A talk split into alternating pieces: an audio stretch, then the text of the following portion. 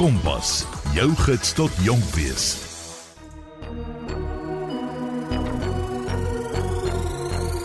As jy dalk 'n aspirante skrywer of dramaturg wat graag jou storie met die wêreld wil deel, maar jy twyfel nog so 'n bietjie in jouself. Via Finanse Kompas program kan jy dalk net die nodige hulpstoot gee. Die inskrywings vir 2023 se teksmerk is oop en alle skrywers, gesout of aspirant, kan hulle tekste instuur. Gita Fourie is 'n jong dramaturg wat besig is om baie vinnig opgang te maak in die teaterbedryf. Gita is die skrywer van die produksie Afval wat self ook deel was van 2022 se teksmerk. Die teaterstuk wat begin het as 'n studenteproduksie, het sedertdien die span menige toekenninge en nominasies in die sak gebring en hulle het ook die geleentheid gehad om die produksie na vele feeste toe te vat. Vanaand kom deel die skrywer 'n paar van haar skryfwenke met ons en sy vertel ook hoe haar skryfproses lyk. So as jy wil uitvind wat in 'n skrywer se kop aangaan, bly ingeskakel hier op Kompas met my Chloe van Rooyen. Kompas. Kragvers en knetterend. Hallo Chloe, baie dankie dat jy my genooi het om vandag met jou te kom gesels. Ek is Gita Fourie.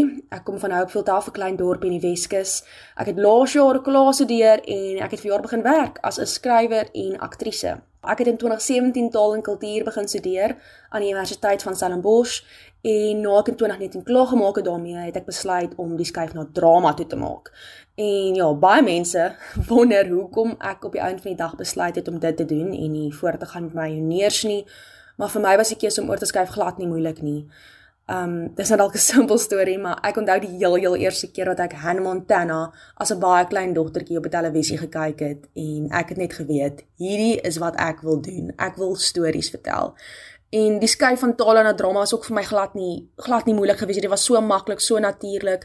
Ek dink die 3 jaar wat ek tale studeer het, het my skryfvaardighede ongelooflik ontwikkel en ek is bevoorreg genoeg om te sê dat ek besig was sedertdien en genoeg werk het om aan die gang te bly en ek dink om dit te kan sê is ongelooflik. Ek is verskriklik bevoorreg. Gita nou jy sê jy het besig gebly, maar dit is 'n bietjie van 'n understatement. Een van die produksies wat jy tydens jou studies geskryf het, het nou al op vele verhoog gewys. So vertel ons 'n bietjie van die produksie. So Afval is 'n produksie wat ek in my 3de jaar geskryf het vir die premierfees wat 'n studentefees by die Universiteit van Stellenbosch se drama departement is. Ek onthou ek ek het hierdie idee gehad vir die storie en ek gaan toe na een van my dosente toe en hy sê toe maar skryf dit as 'n klug. Nou ek het nog nooit in my lewe 'n klug geskryf nie. Ek het nog nooit in my lewe 'n klug gesien nie. En ek gaan doen toe 'n bietjie navorsing en ek gaan lees 'n klomp klugte en ek het net heeltemal verlief geraak op genre. En dis hoe die storie van die van 'n Merwes toe begin het. Um so die van 'n Merwes, hulle lyk soos 'n doodnormale middeljarige paartjie in die suburbs en dan vind jy baie vinnig uit alles is nie pleis by die gesin nie. So Johan van der Merwe, die pa, is 'n reeksmodenaar. Elsa verjaar die dag en sy berei 'n groot familieete voor, haar dogter Mika is op pad en dan loop dinge skeef want Mika kom onverwags so aan met haar nuwe kerel Hugo en een van Johan se slagoffers, Zander, die akteur, ontsnap en hy probeer uit die huis uitkom.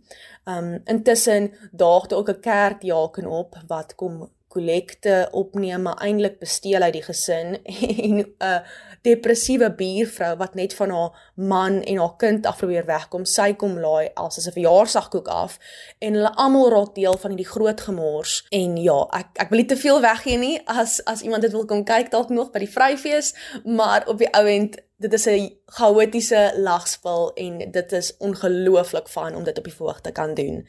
Um ja, sê dat iemand ons as ons by Voorfees, ons was by KAK&K se Oosterfees en soos ek gesê het, gaan ons nou Vryfees toe. So ongelooflik bevoorreg in daardie opsig. Um en ek dink met hierdie produksie was ek bevoorreg in soveel aspekte. Die ondersteuning van die fakulteit en dosente, Martinus Passon wat 'n ongelooflike mentor was vir al die premierfees produksies. 'n Net 'n fantastiese geselskap wat saam met my in hierdie produksie geglo het en my gehelp het om dit op die planke te bring. Ek is seker dat die snaakse oomblikke nie op die verhoog gestop het nie. Dit klink asof jy 'n lekker tyd gehad het agter die skerms ook. As daar 'n storie wat jy dalk met ons kan deel. Chloe, daar is so baie. So net vir die luisteraars, soos ek al genoem het, afval is 'n klug. So ons bou 'n hele stel op die verhoog. Daar is 'n sitkamer en 'n eetkamer vertrek met mure en vyf deure. Dit lyk soos 'n ryk voorstedelike tannie se huis. So ek onthou by een van die shows by die KAK&K, ek en Mia van der Merwe het die heel eerste toneel in die play. Sy speel Elsa die ma en ek speel nou die seniele ou maatjie. Um en soos die toneel eindig, moet Mia se karakter my uitvat by die gang deur En ek onthou toe hoe ons regisseur John Du Plessis vir my een van ons repetisies gesê het, "O nee, maar hy hou daarvan as die ouma haar hand so laaste keer by die deur probeer uitsteek, soos soos Mia se karakter my nou by die deur probeer uitstoot." En ek besluit toe, "Oké, okay, ek gaan dit nou doen vandag, maar ek sê nie vir Mia dat ek dit gaan doen nie." En sy klap daai deur op al vier my vingers toe. Sy het dit natuurlik nie raak gesien nie. Um en 'n mens kon hoor hoe die gehoor hulle asem intrek want hulle sien toe dit gebeur. En sy hou net aan om die deur toe te klap want sy kry nie die deur toe nie en ek kan in die backstage vir haar gil en sê, "Hey, luister, dis my vingers wat daar sit nie." So na die 5de keer wat sy die deur probeer toeklap, tik ek toe net liggies aan haar en ek fluister en sê, "Luister, daai is my vingers." Gitte nou om alles te kroon, het jy 'n Kanna toekenning vir beste opkomende kunstenaar gewen. Wel, eersins baie geluk. Ek is seker dat dit top aan jou lysie van beste oomblikke as kunstenaar is. Wat het jy jou kop gegaan toe jy nou die toekenning inpalm? Die Kanna was definitief vir my ook 'n groot verrassing geweest. Um daar was ek 'n ongelooflike kunstenaar saam my genomineer. Alleself van Rene en wat ongelooflik was in Midde en Alwyn En dan ook twee van my medegeselskapslede, Mia van der Merwe en Nicola Wewe, twee uitstekende aktrises. So ek het maar net besluit van die begin af, ek gaan nie enige verwagtinge hê nie. Ek ek onthou ek was nog lekker siek geweest daai aand ook. So toe ek gaan sit, die aand begin, ek maak my hare vas, ek trek my jas uit, ek gaan sit agteroor, ek maak reg om die res van die aand so te sit en toe die eerste kategorie wat hulle noem is beste opkomende kunstenaar. Um So ja, toe moes ek baie vinnig daar opspring. Ehm um, maar ja, ek dink Chloe op die ouend van die dag, dit is lekker om raak gesien te word, maar wat aand soos jy kan as vir my ongelooflik maak is to be surrounded by excellence en rolmodelle in die bedryf. So ja, net om genooi te wees is is 'n groot eer. Weet jy as ek so na teaterproduksies kyk of na films, ek wonder altyd hoe mense met die idees voor 'n dag kom. So waar het jou inspirasie vir afval vandaan gekom? Ek het in 'n in 'n vorige onderhoud gesê ek ek dink my grootste inspirasie vir hierdie produksie kom van my ma of familie af en my ma en my pa het gesê ek mag nie meer dit sê nie. So ek gaan nou sê die grootste gedeelte van my inspirasie kom van my interessante familie af.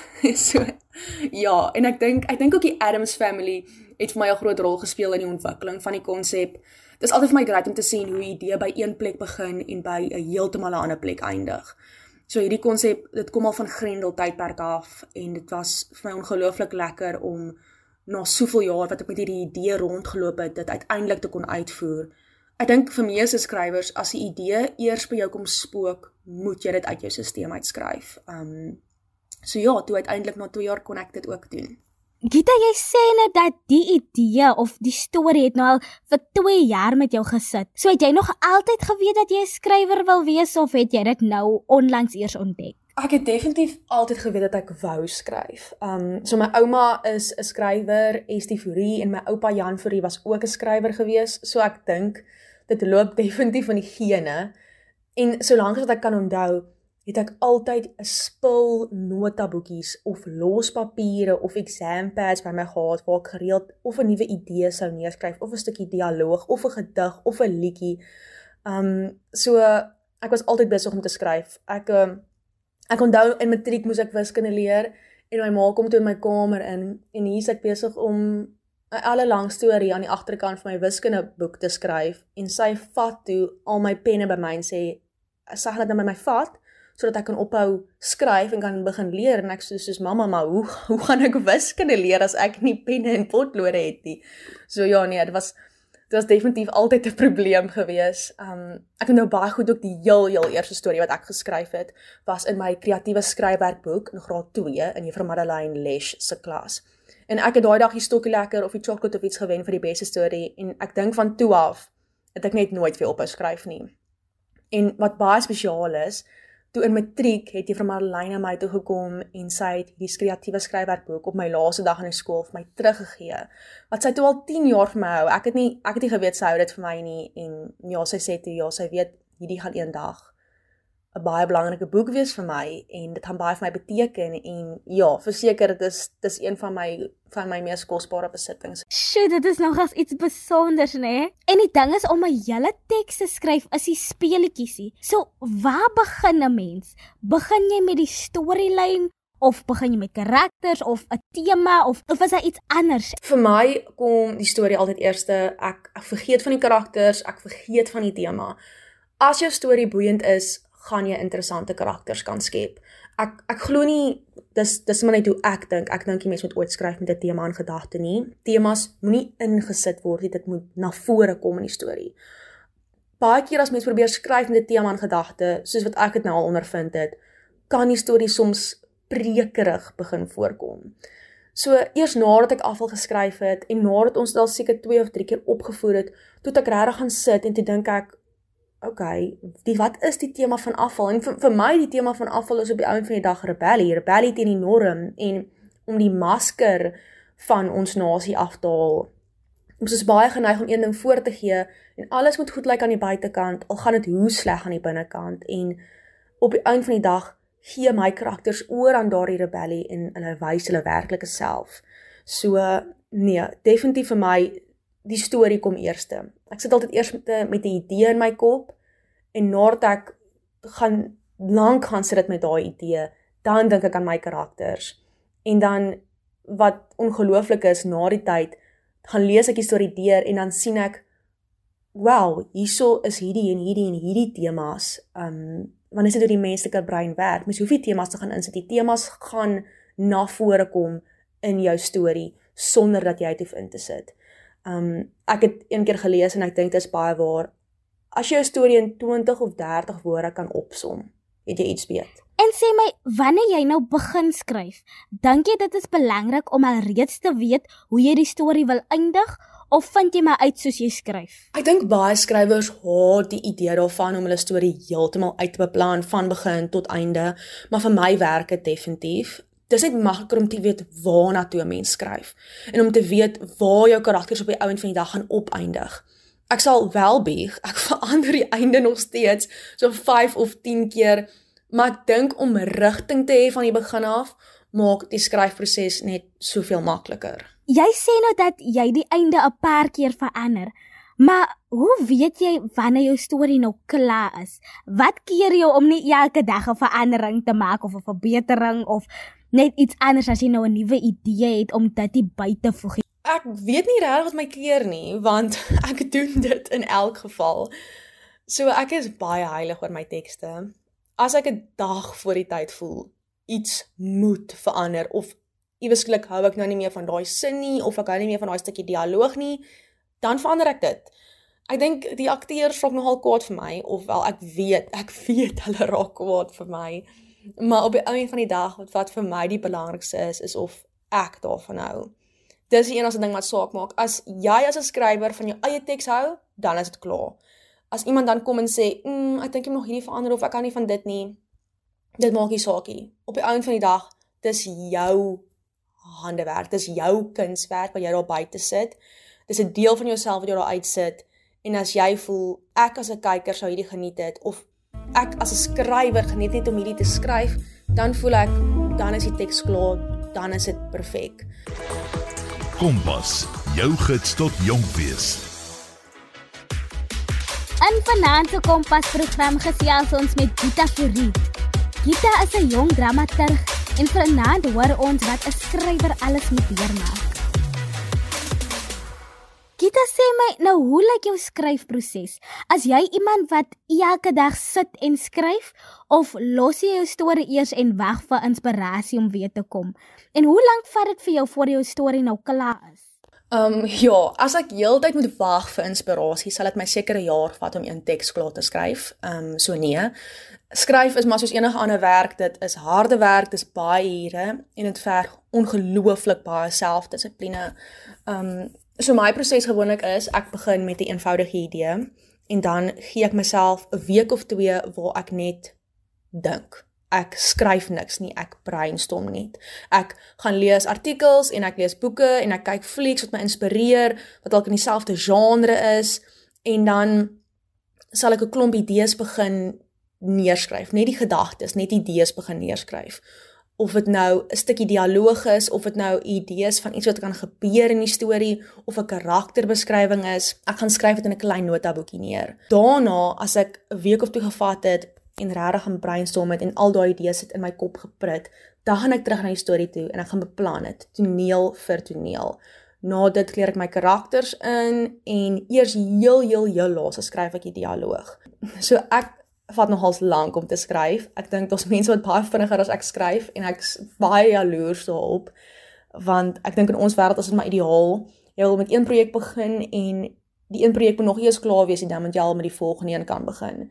Um so ek dink ideaal vir my sal wees enigiets tussen 2 en 3 maande. Dis baie lekker om 'n teks te kan skryf en dit om en om dit te laat lê net vir 'n week of 2 of 3 en dan weer terug te gaan na dit toe want dan het mense weer ander gedagtes intussen gekry en jou kop het weer 'n bietjie gedraai oor wat jy kan verander en wat jy wil verander maar ek dink meestal as ek teks skryf sal ek sê dit ek so 'n maand om dit klaar te maak. So ek is maar gewoonlik onder druk. Ervaar jy soms 'n kreatiewe blok as jy skryf en wat doen jy in daai oomblikke? Ja, definitief. Um vir my as ek ooit vashaak met 'n storie, dan lees ek. Die oomblik as ek 'n goeie teks in my hand het, dan inspireer dit my om weer my laptop op te maak en my idees begin ook dan sommer weer vloei. So toe ek afval geskryf het en ek het gevoel by tye, oh, ek haak nou vas of ek weet nou nie meer waartoe hierdie storie gaan nie of hierdie karakters ek nie seker oor nie, het ek baie van 'n Raikuni en Ellen Eikbond se klugte gaan lees net om weer 'n idee te kry wat hulle gedoen het en om my weer te bemoedig dat as ek op my stoel gaan sit agter my laptop, kan ek dieselfde doen. So ja, ek dink wat skrywersblok aanbetref, baie mense gaan sit en dink ek gaan wag vir dit om om verby te gaan. Um maar ek dink die beste ding wat jy kan doen is eerstens lees en as dit nie werk nie, skryf deur daai skrywersblok. Neil Simon, ek het ek het een van sy boeke gelees en hy sê toe hy beskou sy skryfwerk as 'n 9 to 5 job dit is nie hy skryf en hy lus dit of hy skryf en hy geïnspireer is nie. Hy skryf tussen 8 en 10 ure elke dag want dis sy werk en ek dink vir vir enige kunstenaar is dit die beste manier om daaraan te dink. Sal jy sê jy het nou al jou skryfstyl gevind of is dit nog iets wat jy besig is om te ontwikkel? Dis definitief iets wat ek nog steeds ontwikkel. Ek dink nie ek gaan ooit ophou om dit te ontwikkel en ophou om te leer nie en om ook by my medeskrywers te leer. Ek dink op hierdie stadium wil ek myself net uitdaag om in soveel moontlik verskillende tipe genres ervaring op te doen. So afval was 'n klug/komedie en ek is nou besig om 'n teks te skryf wat 'n drama, thriller tipe tipe ding is. Um en ek wat vir my die belangrikste is in my stories nou, waar ek is as 'n skrywer is om karakters te skep wat soos werklike komplekse mense voel en nie 2D stereotypes nie. Ek wil graag stories vertel wat 'n weerspieëling van die wêreld daar buite is, waar mense hulle self of hulle familie of hulle vriende in die karakters kan raak sien. En wat is die beste deel van skrywer wees en wat is die deel wat jy die minste van hou? Die deel waarvan ek die minste hou is die eensaamheid. So as 'n skrywer kan dit baie baie alleen raak. Soms is dit 4:00 in die oggend en jy het net 10 bladsye klaar geskryf of jy het 'n ongelooflike toneel klaar gemaak en ons niemand waarmee dit kan deel nie. En selfs al was daar iemand, soos byvoorbeeld my arme kerel wat baie keer vir ure lank na my stories luister, daai persoon sal nooit regtig verstaan wat jy nou net vermag het nie dis is om in 'n groot kantoor te sit, 'n groot jy steel van 'n groot besigheid en jy het 'n reusagtige probleem en julle almal moet saamwerk. Julle almal weet wat die probleem is. Julle weet julle moet dit nou oplos en jy gaan en jy gaan los dit nou op en jy hardloop deur die kantoor rond en sê, "Julle, ek het dit nou net opgelos, maar daar's niemand in die kantoor nie." dis net jy. Um so ja, ek sal sê dis dis eensaam. Jy jy sit vir so lank in daai storiewêreld en saam met daai karakters dat hulle half later amper jou beste vriende word. En en as jy klaar maak ook met die storie dan dan voel dit soos 'n soos 'n afskeid. Jy jy sê baie vir daai mense waarmee jy so lank nou gesit het. So ja, ek het afval meer as 'n jaar terug geskryf en eers nou, na jaar het ek regtig gesprekke daaroor, het ek gesprekke oor die teks. So dis 'n eensame paadjie wat 'n mens stap, maar ek kan wel sê dat daar niks niks niks beter is as jy daai teks vir iemand in hulle hand gee en hulle maak net absolute magic met dit nie. Dan al die nagte se skryf, die gesukkel, die gestry met jouself, die gehuil, die gekerm, papiere opvrommel en weggooi en die verskriklike eensaamheid is die moeite werd om te sien wat die akteurs en aktrises met daardie tekste kan vermag. Ja, en nog 'n uitdaging waarmee 'n mens maar moet deel is om kritiek te ontvang. En ek kan dink dat dit moeilik is om jouself oop te maak vir kritiek. So hoe hanteer jy kritiek? Aan die begin was dit vir my baie moeilik. Ek het vir baie lank geweier om my werk met mense te deel en al my skryfwerk het maar net altyd in my boonste laai bly lê. Maar ek dink toe ek begin drama studeer het, moes ek myself jy moet jouself dan oopmaak vir kritiek. Jy doen 'n toneel vir jou klasmaats en jou dosent sê net daar dan vir jou, luister, dit het gewerk, dit het nie gewerk nie. Of baie keer sê hy sommer net vir jou, luister, dit was regtig sleg. doen dit weer en doen dit beter. So in hierdie bedryf, jy kan nie kritiek op toe vat nie. Anders gaan jy nooit werk nie. Jy gaan nooit wil werk nie. So ek het verlief geneem met die feit dat sommige mense gaan vir my werk hou en ander mense gaan nie. Op die ou end van die dag is dit vir my belangrik dat ek 'n teks wil skryf en ek wil hê mense moet kan sê daai is Gita Fourie se teks. 'n Mens kan haar stem hoor in hierdie teks. En dan die belangrikste van alles is dat ek moet daarvan hou. As ek daarvan hou, moet dit nie regtig saak maak wat ander mense daarvan dink nie. Ja, dit is belangrik om te luister na wat mense te sê het oor jou werk, want soms kan dit konstruktief wees, maar ek dink mense moet baie versigtig wees watter raad jy besluit om te gebruik en watter nie. Want as 'n kunstenaar jy kan nie na almal luister nie. Later as ek 'n teks skryf en ek gaan daai vat daai teks na 7, 8, 9, 10 mense toe, en elkeen van hulle gee vir my verskillende raad, dan later as jy daai teks lees, gaan dit klink soos 7, 8, 9, 10 verskillende stemme in die teks. En dit is belangrik dat mens jou stem vind, dat jou stem die sterkste deurkom. So, ehm um, ja, ek dink dit is belangrik dat mens mooi moet gaan sit en dink oor watse raad jy vat en watse raad jy nie vat nie. Gita, ek moet nou vra, wat is jou gunsteling lyn wat jy al geskryf het? Mm, daar gaan nou baie deur my kop. Maar ek wonder of ek van hulle op die radio mag sê. Ehm, um, okay, so laas jaar het ek 'n toneelstuk geskryf aan Glo Angst.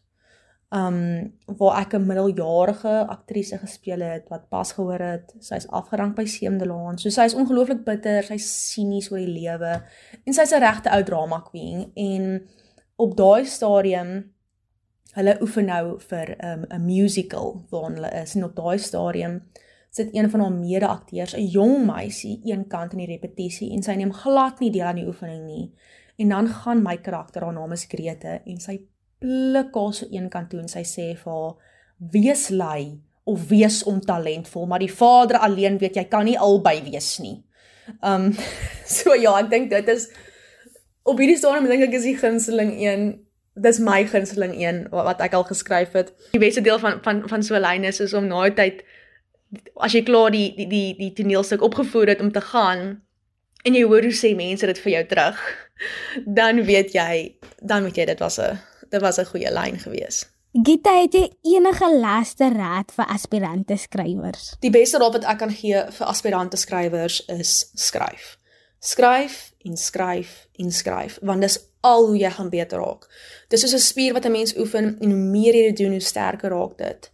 Um as jou werk nog in jou boonste laai lê, soos wat myne vir baie lank gedoen het en jy het nog nooit die daglig gesien nie, haal dit uit jou laai uit en gee dit vir iemand in die bedryf, 'n medeskrywer wie jy vertrou, wie jy respekteer, respekteer en en en gaan praat met hulle daaroor gaan hê 'n gesprek daaroor want dit is belangrik dat mense werk die daglig sien en dat daar ander oë op dit kom en dat jy dan gaan sit met daai terugvoer van mense af en besluit luister hierdie gaan ek vat hierdie gaan ek nie vat nie.